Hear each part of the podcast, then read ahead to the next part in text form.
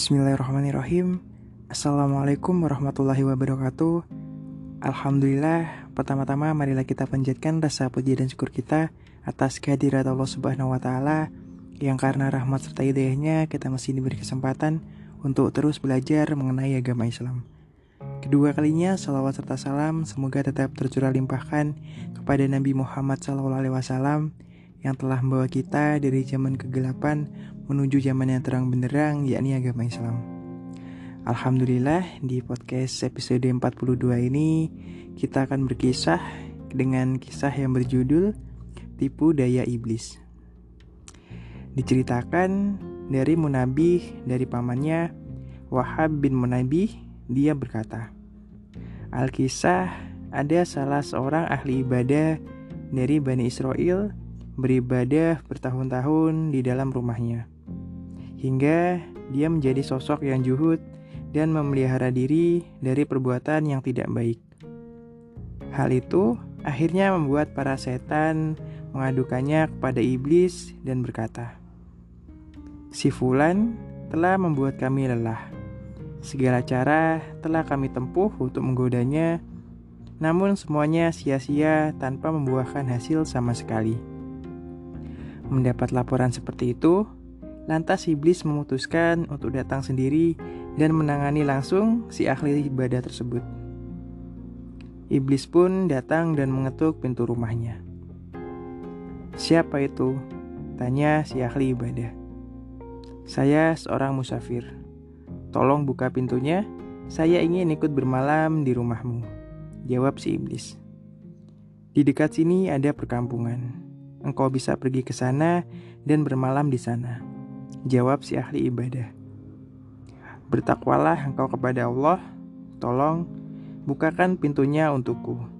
Saya tidak berani ke sana karena saya khawatir nanti ada perampok atau ada binatang puas. Jawab si iblis.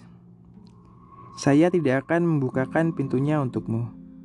Jawab si ahli ibadah.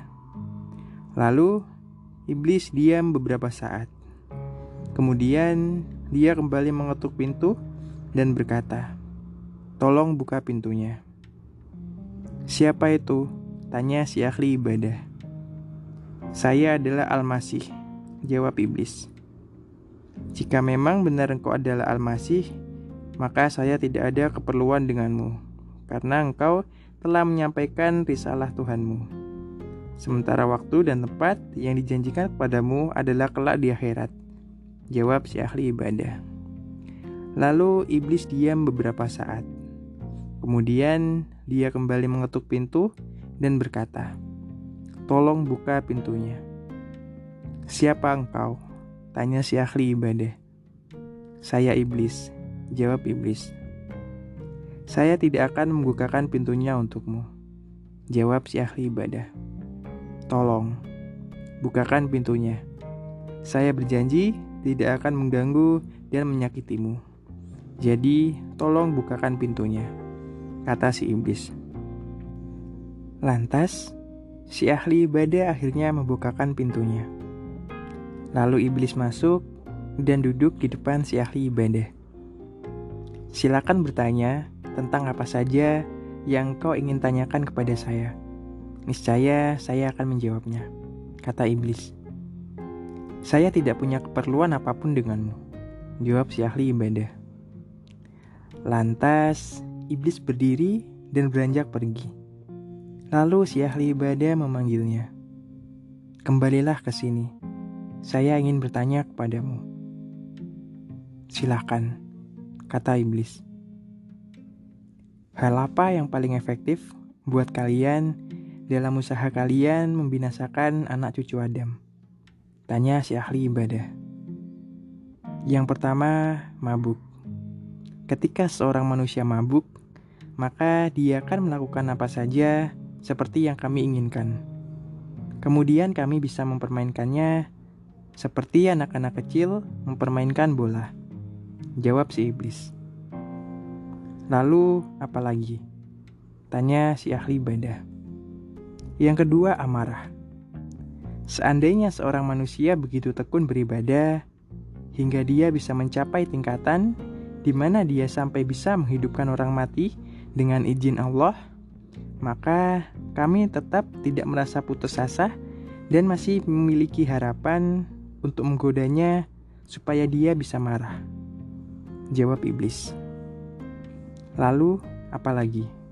Tanya si ahli ibadah. Yang ketiga, kikir.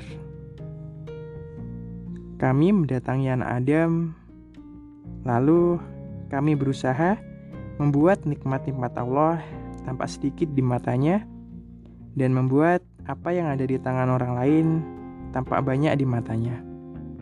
Hingga dia menjadi kikir dengan tidak mau menunaikan hak Allah pada hartanya. Sehingga dia pun binasa dan celaka karenanya. Jawab si iblis.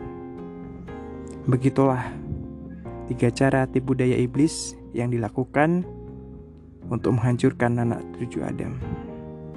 Wassalamualaikum warahmatullahi wabarakatuh.